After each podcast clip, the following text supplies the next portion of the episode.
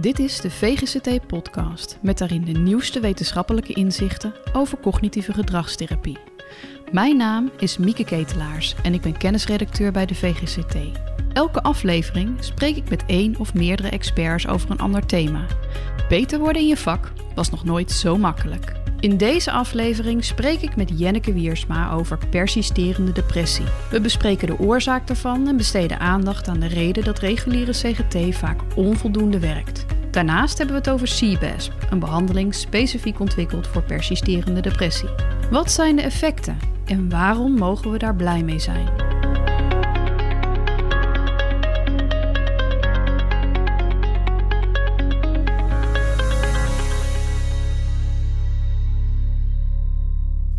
Jenneke, welkom. Fijn dat je zo op afstand uh, kan aanschuiven. Zou jij je als eerste kunnen voorstellen? Ja, nou, mijn naam is Jenneke Wiersma.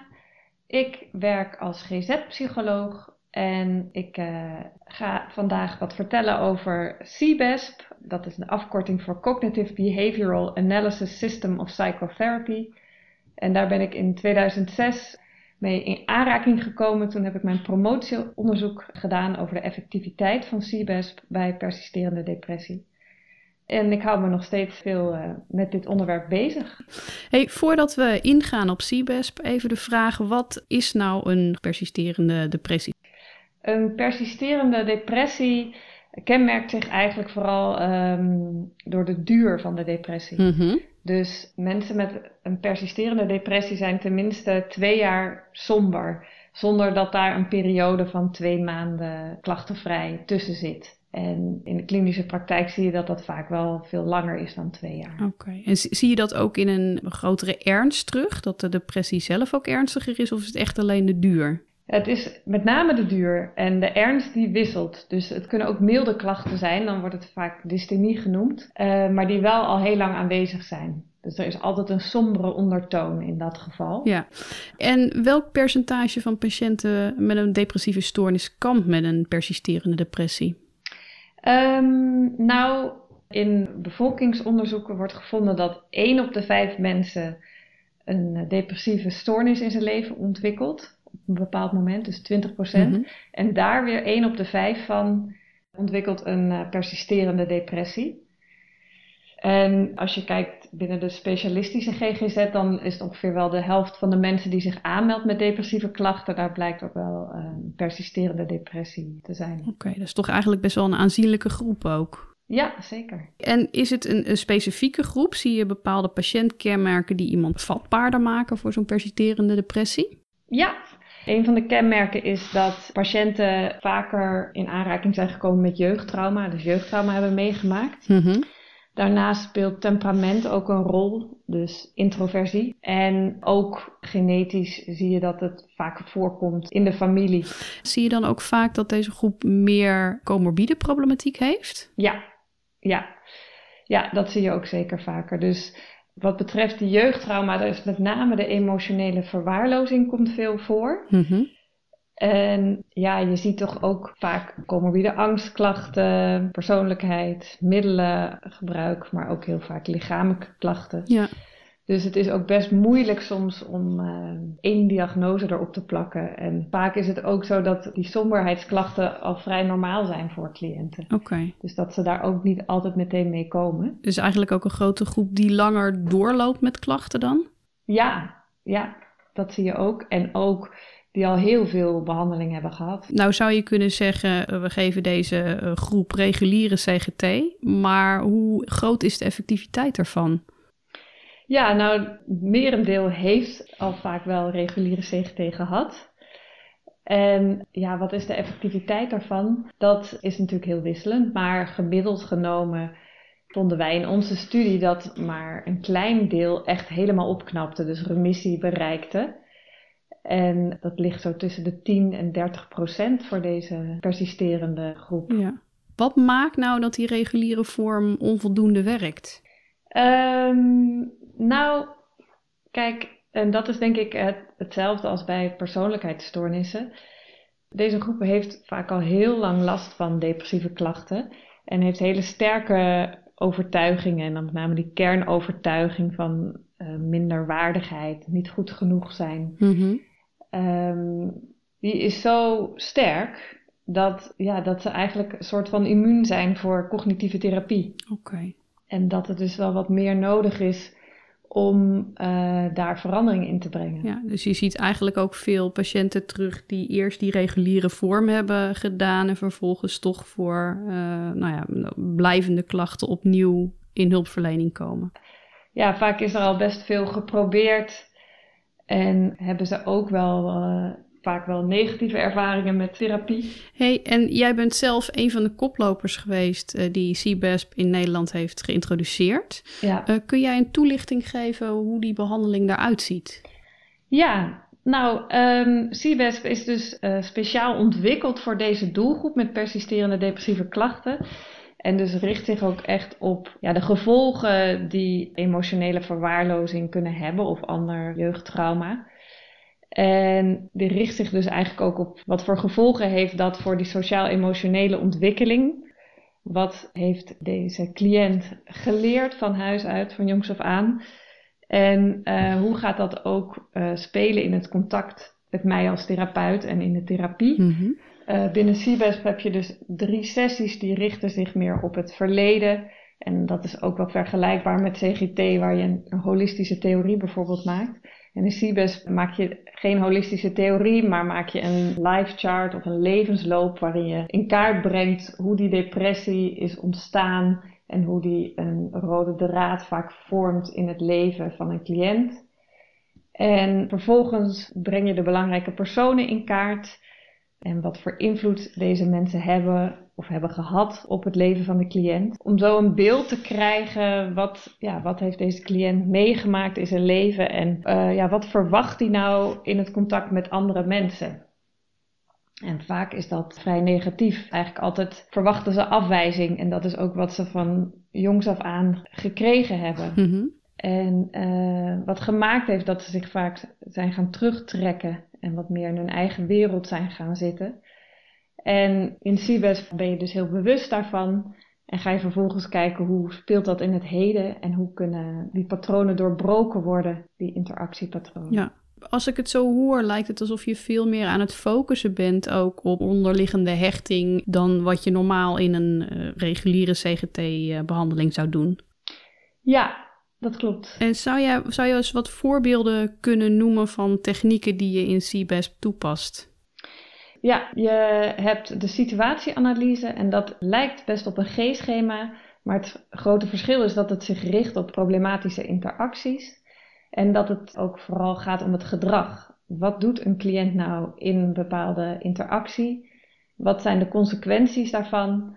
En wat zou de cliënt nou graag willen? En hoe zou hij dan dus zich anders moeten gaan gedragen om dat gewenste resultaat te krijgen? Mm -hmm. Dat is de belangrijkste techniek. En vervolgens ga je ook onderscheid maken tussen interacties nu en interacties in het verleden. Uh, bijvoorbeeld als een cliënt te laat komt, dan kan iemand daar heel erg gestrest over zijn en zich heel erg schuldig en rot daarover voelen. Dan kan je als therapeut daar even aandacht aan geven van goh, wat is er gebeurd, wat maakt dat je te laat komt. En vervolgens vragen van stel nou dit, dat dit vroeger was, dat je vroeger thuis uh, bij je ouders te laat zou komen, hoe reageerden ze daar dan op? Mm -hmm. Nou, dan kan het zo zijn van ja, dat was echt uit den boze. Dan uh, werd mijn vader heel erg boos en mijn moeder negeerde mij, want je hoorde gewoon op tijd te komen. Ja. En dan vraag je vervolgens, en hoe reageerde ik? En dan zeggen ze ja, vaak zijn ze al best verbaasd over die vraag van uh, ja, jij, ik geloof jij bent wel rustig. Nou, waar zag je dat aan? En wat is nou het verschil? En dan gaan ze dus onderscheid maken van ja, vroeger werd ik dan afgewezen en hier gebeurt dat niet. En als ze gaan zien van oh, het kan dus ook anders, dan gaan ze ook leren dat er andere reacties mogelijk zijn. Ja. En zich daar meer voor openstellen. Ja, dus eigenlijk een grotere splitsing maken tussen dit was hoe vroeger op jou gereageerd werd versus dit is hoe hoe het nu ook eruit kan zien. Dus en dat wat er vroeger is gebeurd, is niet standaard wat er nu ook gebeurt. Ja, precies. Ja. Ja. Oké, okay, maar dan klinkt het ook wel alsof de therapeut een, een hele belangrijke rol heeft als een soort van modelfiguur voor het dagelijks leven. Ja, Je creëert een soort proeftuin voor je cliënt om te kunnen oefenen met een nieuw gedrag. En je kan daar de roos van Leary bij gebruiken. Die kennen veel uh, therapeuten wel. McCullough, die de CBESP heeft ontwikkeld, die gebruiken de cirkel van Kiesler, maar die zijn bijna identiek. En uh, zo kan je ook kijken waar zit je nou in die roos van Leary en wat voor invloed heeft dat. Maar ook voor de cliënt, waar ervaar je mij en wat voor invloed heeft dat?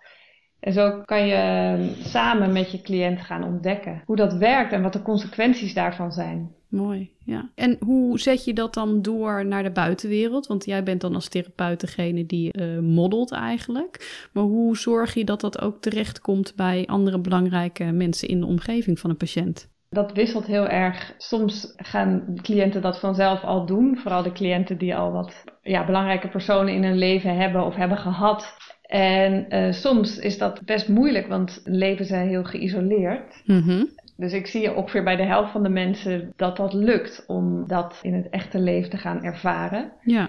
Maar je ziet toch ook een groep waarin dat veel, uh, veel hardnekkiger is en die veel angstiger zijn en waar dat veel minder goed lukt. Mm En in 2016 hebben we toen ook een groepsprogramma opgezet. In een groep heb je in ieder geval al uh, zeven andere mensen waarmee je dat soort dingen kan gaan oefenen. En dat was ook wel heel mooi om te zien hoe, hoe mensen dan elkaar gaan vertrouwen. En ook dat er nieuwe groepsleden bijkomen en anderen weer weggaan. En dat was elke keer weer spannend, want dan komt er weer een beetje nieuwe buitenwereld binnen. Ja. En zo werd die overgang wel weer wat uh, makkelijker ook naar buiten. Maar dat is, dat is en blijft wel soms ingewikkeld. Ja, ja, zeker als het zo onderdeel is van, van je wezen eigenlijk. Zoals als ik het zo hoor bij uh, de persisterende depressie wel het geval is. Ja, ja. Ja. En even kijkend naar de effecten. Hoe zien die eruit voor CBESP op de korte termijn, maar ook op de langere termijn? Ja, er zijn uh, inmiddels flink wat studies gedaan naar CBESP. Sowieso al meer dan 90 studies. Uh, niet al die 90 studies die hebben zich gericht op de effectiviteit. Maar uh, de studies die dat wel hebben gedaan, die laten zien dat CBESP effectiever is dan de gebruikelijke zorg voor depressie. Zoals CGT, IPT. En dat het ongeveer even effectief is als medicatie, antidepressiva. Mm. En dat die combinatie toch het beste werkt. Ja. En de cijfers daarin variëren van, ja, in mijn studie vonden we dat 20% echt remissie bereikte. En in Duitse en Amerikaanse studies vinden ze soms nog wat hogere cijfers. Mm -hmm. Dus dat een derde echt remissie bereikt. En in een hele grote studie vonden ze zelfs dat de helft van de mensen remissie bereikte na 16 weken. Maar dat is uh, eenmalig geweest in 2000. Okay. Wel een grote groep. Maar dat is daarna niet meer gevonden. Maar wat wel, ik ben er wel anders naar gaan kijken. In eerste instantie was ik best teleurgesteld. dat maar zo'n kleine groep in mijn hoofd helemaal opknapte van, uh, van behandeling. Ja. Maar een kinderoncoloog die mijn promotie voorzat, zei dat hij zo ontzettend onder de indruk was van mijn uh, remissiecijfers dat hij dat in zijn vakgebied nooit meemaakt. Dat 20% van de mensen met chronische problematiek opknapt. Ja. En toen dacht ik, oh ja, dat is natuurlijk een hele andere manier van er naar kijken. Ja. Misschien dat we op dit moment eigenlijk niet op de goede manier kijken nee. naar deze problematiek, waardoor we altijd teleurgesteld zijn, behandelaar en cliënt. Terwijl als je de focus misschien zou veranderen, je dat ook wat anders kan gaan zien. Ja. En hoe zou je die focus dan graag willen zien?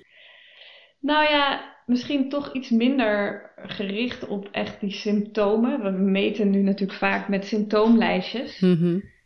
En hopen eigenlijk dat die depressieve klachten helemaal weg zijn aan het eind van de behandeling. Ja. En dat blijkt gewoon vaak niet haalbaar te zijn. Nee. Terwijl CBES richt zich eigenlijk met name op de interactie en op het je leren verbinden met andere mensen. Mm -hmm. En ja, ik denk als je daar meer naar gaat kijken en kwaliteit van leven, dus wat breder, wat meer die prestatie soort van loskoppelt, dat, ja, dat je dan misschien wel ander, een ander beeld krijgt. Ja, kan ik me ook wel voorstellen. Want inderdaad, als het veel meer gericht is op het verbinden met andere personen, kun je nog steeds wel een, een, een negatieve basisstemming hebben. Maar je kunt natuurlijk wel veel steviger in, uh, in je leven staan. Ja, dat is wel in ieder geval wat ik uh, terughoorde van mijn cliënten. Dat niet iedereen zozeer heel erg vooruit ging op die depressielijstjes. Maar dat ze wel een um, goede ervaring hebben overgehouden aan de therapie. En dat er wel wat is veranderd ja. in de manier waarop ze in het leven staan. Ja, mooi. En er is net een special issue verschenen over CBESP. Ja. Ik ben even vergeten in welk tijdschrift dat ook alweer was. Uh, Frontiers. Ja, en wat ik daar zag, dat vond ik wel frappant eigenlijk, dat er ook aandacht is voor de negatieve effecten van behandeling. Maar in hoeverre is nou iets als afhankelijkheid van de therapeut bijvoorbeeld bij CBESP nou een mogelijk probleem? In hoeverre kan dat ook schadelijk werken? Ja, nou, na twee studies binnen dat special issue, die gingen daarover. En die vonden inderdaad dat die afhankelijkheid een rol kan spelen. Mhm. En dat dat een, een negatief effect was. En dat eigenlijk andere negatieve effecten uiteindelijk niet, geen invloed hadden op de behandeluitkomst. Nee. En ja, ik denk zeker dat dat schadelijk kan zijn. Ja. En ik heb ook wel veel gezien dat mensen heel lang in de GGZ behandeld blijven. Zelf ook eigenlijk niet willen stoppen. Maar ik denk soms ook dat we daarmee mensen wel eens ziek houden. Ja. Dus dat het niet zo'n hele gezonde omgeving is om heel lang in een GGZ-instelling behandeling te, te krijgen. Ja. Dus ja, ik denk dat het goed is dat we daar aandacht voor hebben. En dat we eerder ook mensen weer, ook al zijn ze niet beter, toch een tijdje weer even buiten die GGZ moeten laten functioneren. Mhm.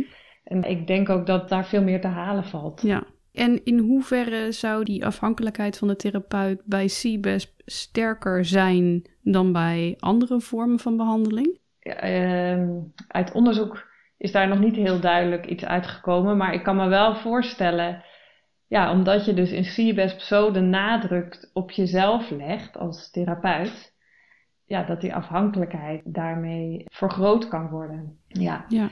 Dus daarom ben ik ook wel een voorstander geworden van de groepsbehandeling. Omdat het dan minder op één persoon gericht is. Ja, het nodigt eigenlijk ook al uit hè, om die relatie aan te gaan met je, je, je groepsgenoten. Ja, ja, precies. En je hebt dan ook meerdere therapeuten. Mm Dus dan is het toch meer een shared caseload. En dan gaat het dus meer om de technieken. Ja.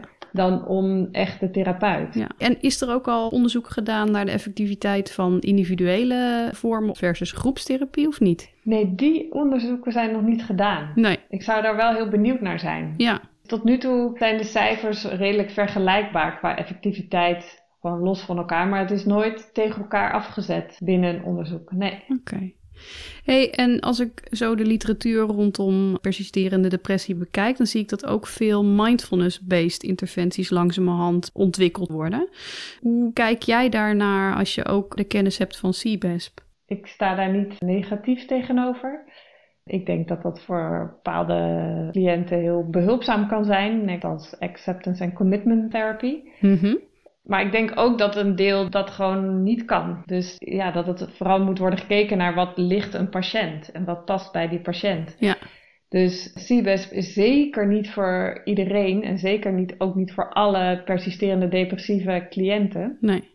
Het is vooral belangrijk dat ze zelf daar ook zien dat die interacties, dat dat een belangrijk onderdeel is in hun problematiek. Ja. En ook dat ze daar graag mee aan de slag willen. Ja.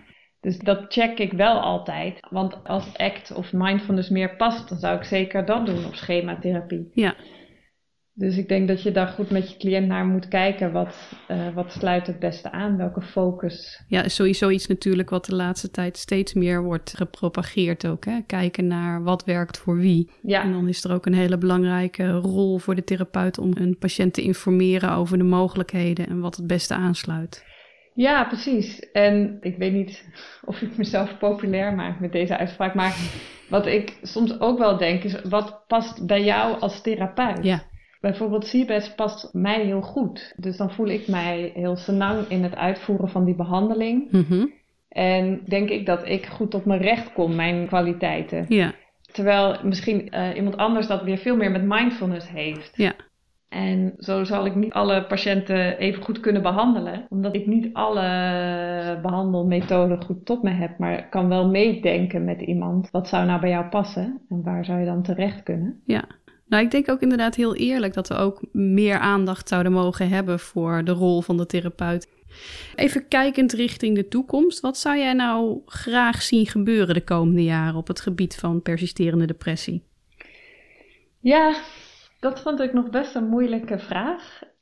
Toch meer maatschappelijk gericht, denk ik. Mm Dus zoals je de AA-meetings hebt voor uh, anonieme alcoholisten, zo zou je misschien ook meer plekken moeten hebben waar mensen met persisterend depressieve klachten terecht kunnen, lotgenoten, groepen of ja, meer plekken met verbinding. Ik zat ook al te denken, ja, misschien zou dat al eerder bij jongeren al meer aandacht mogen hebben waar jongeren die moeite hebben met het zich verbinden, het zich verhouden tot anderen, bij elkaar kunnen komen en daar aandacht voor krijgen. Mhm. Want ja, je ziet toch al vaak bij die persisterende depressie, dat begint al op vroege leeftijd, vaak toch al uh, ja, of op de basisschool of op de middelbare school, dat de eerste klachten aan het ontstaan zijn. En als je dus al eerder zou kunnen ingrijpen zou natuurlijk heel fijn zijn als het dan ja, normaler is om dat te doen. Dus dat dat meer buiten de psychiatrie nog valt. Ja. En ook voor mensen die dus wel in de psychiatrie behandeld worden, dat er daarna gewoon een plek is voor degene die misschien nooit meer helemaal opknappen, waar ze wel uh, terecht kunnen. Ja, een beetje iets als een depressiecafé, waar mensen elkaar gewoon kunnen spreken en op verschillende manieren in ieder geval met elkaar in aanraking kunnen komen. Ja, zoiets waar je lekker depressief mag, uh, je koffietje mag drinken. Waar je ook even mag zitten, ja.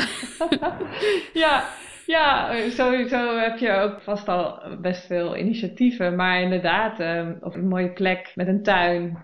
Waar ja. je dan een beetje kan zitten en als je wil mee kan doen met bepaalde activiteiten. Dus dat het ja. uh, ja, wat laagdrempeliger. Ja, zonder druk ook, maar wel de mogelijkheden zijn. Ja. Ja, mooi eigenlijk, ja. Hey, ik ben uh, aan het einde gekomen van mijn vragen. Wil ik je in ieder geval hartelijk uh, danken voor je tijd en de nieuwe inzichten die je ons hebt meegegeven. Heel graag gedaan. Je luisterde naar de elfde aflevering van de VGCT-podcast. Er liggen al veel nieuwe thema's klaar voor volgende podcast. Maar mocht je zelf nog een idee hebben, laat het dan vooral weten via communicatie.vgct.nl. Tot de volgende keer.